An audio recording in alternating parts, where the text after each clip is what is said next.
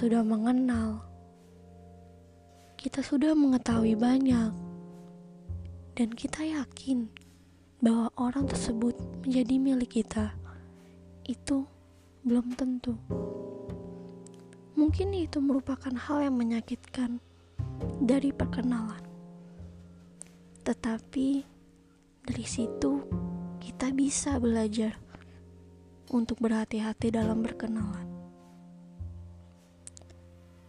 Mengenal, ya, mengenal itu bagimu sangat bahagia dikala dirimu mengenal seseorang yang akan menjadi pasangan hidupmu.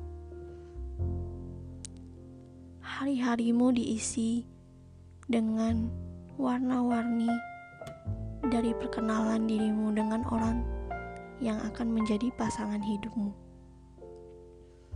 Semakin lama semakin dekat, semakin nyaman, dan rasa memiliki itu semakin ada. Tapi tidak bisa dipaksakan keinginan tersebut apabila memang tidak ditakdirkan untuk bersamanya. Mungkin hal tersebut merupakan hal yang menyakitkan dari perkenalan dan merasa lebih baik tidak mengenal dibandingkan sudah mengenal tetapi tidak dapat bersama pada akhirnya. Mungkin itu adalah hal yang menyakitkan dan tidak ingin diulangi. Ya, pasti akan berpikir seperti itu. Tetapi mengenal seseorang itu tidak rugi, karena kamu dari mengenal seseorang itu dapat mengetahui beragam sikap dan karakter seseorang. Terkadang mengenal seseorang belum tentu kamu harus memilikinya. Dan terkadang kita berpikir bahwa untuk apa dah hadir dalam hidup untuk saling mengenal yang pada akhirnya tidak dapat memiliki satu sama lain dan menjadi seperti orang tidak mengenali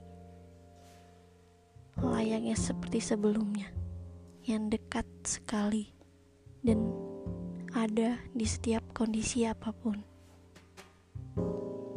Dan menumbuhkan rasa yang semakin nyaman dan semakin sayang. Dalam hubungan itu selalu terjadi tetapi dari kejadian tersebut kita harus kuat, tidak boleh mundur. Karena dari kejadian itu mengingatkan kita bahwa dialah bukan takdir untuk kita. Dan dialah belum belum pantas untuk menjadi pasangan hidup bagi kita. Dan masih banyak yang lebih baik untuk kita. Karena yang terbaik sudah disiapkan. Jadi, tetaplah semangat. Meskipun terkadang berkenalan itu berakhirnya tidak enak. See you the next podcast.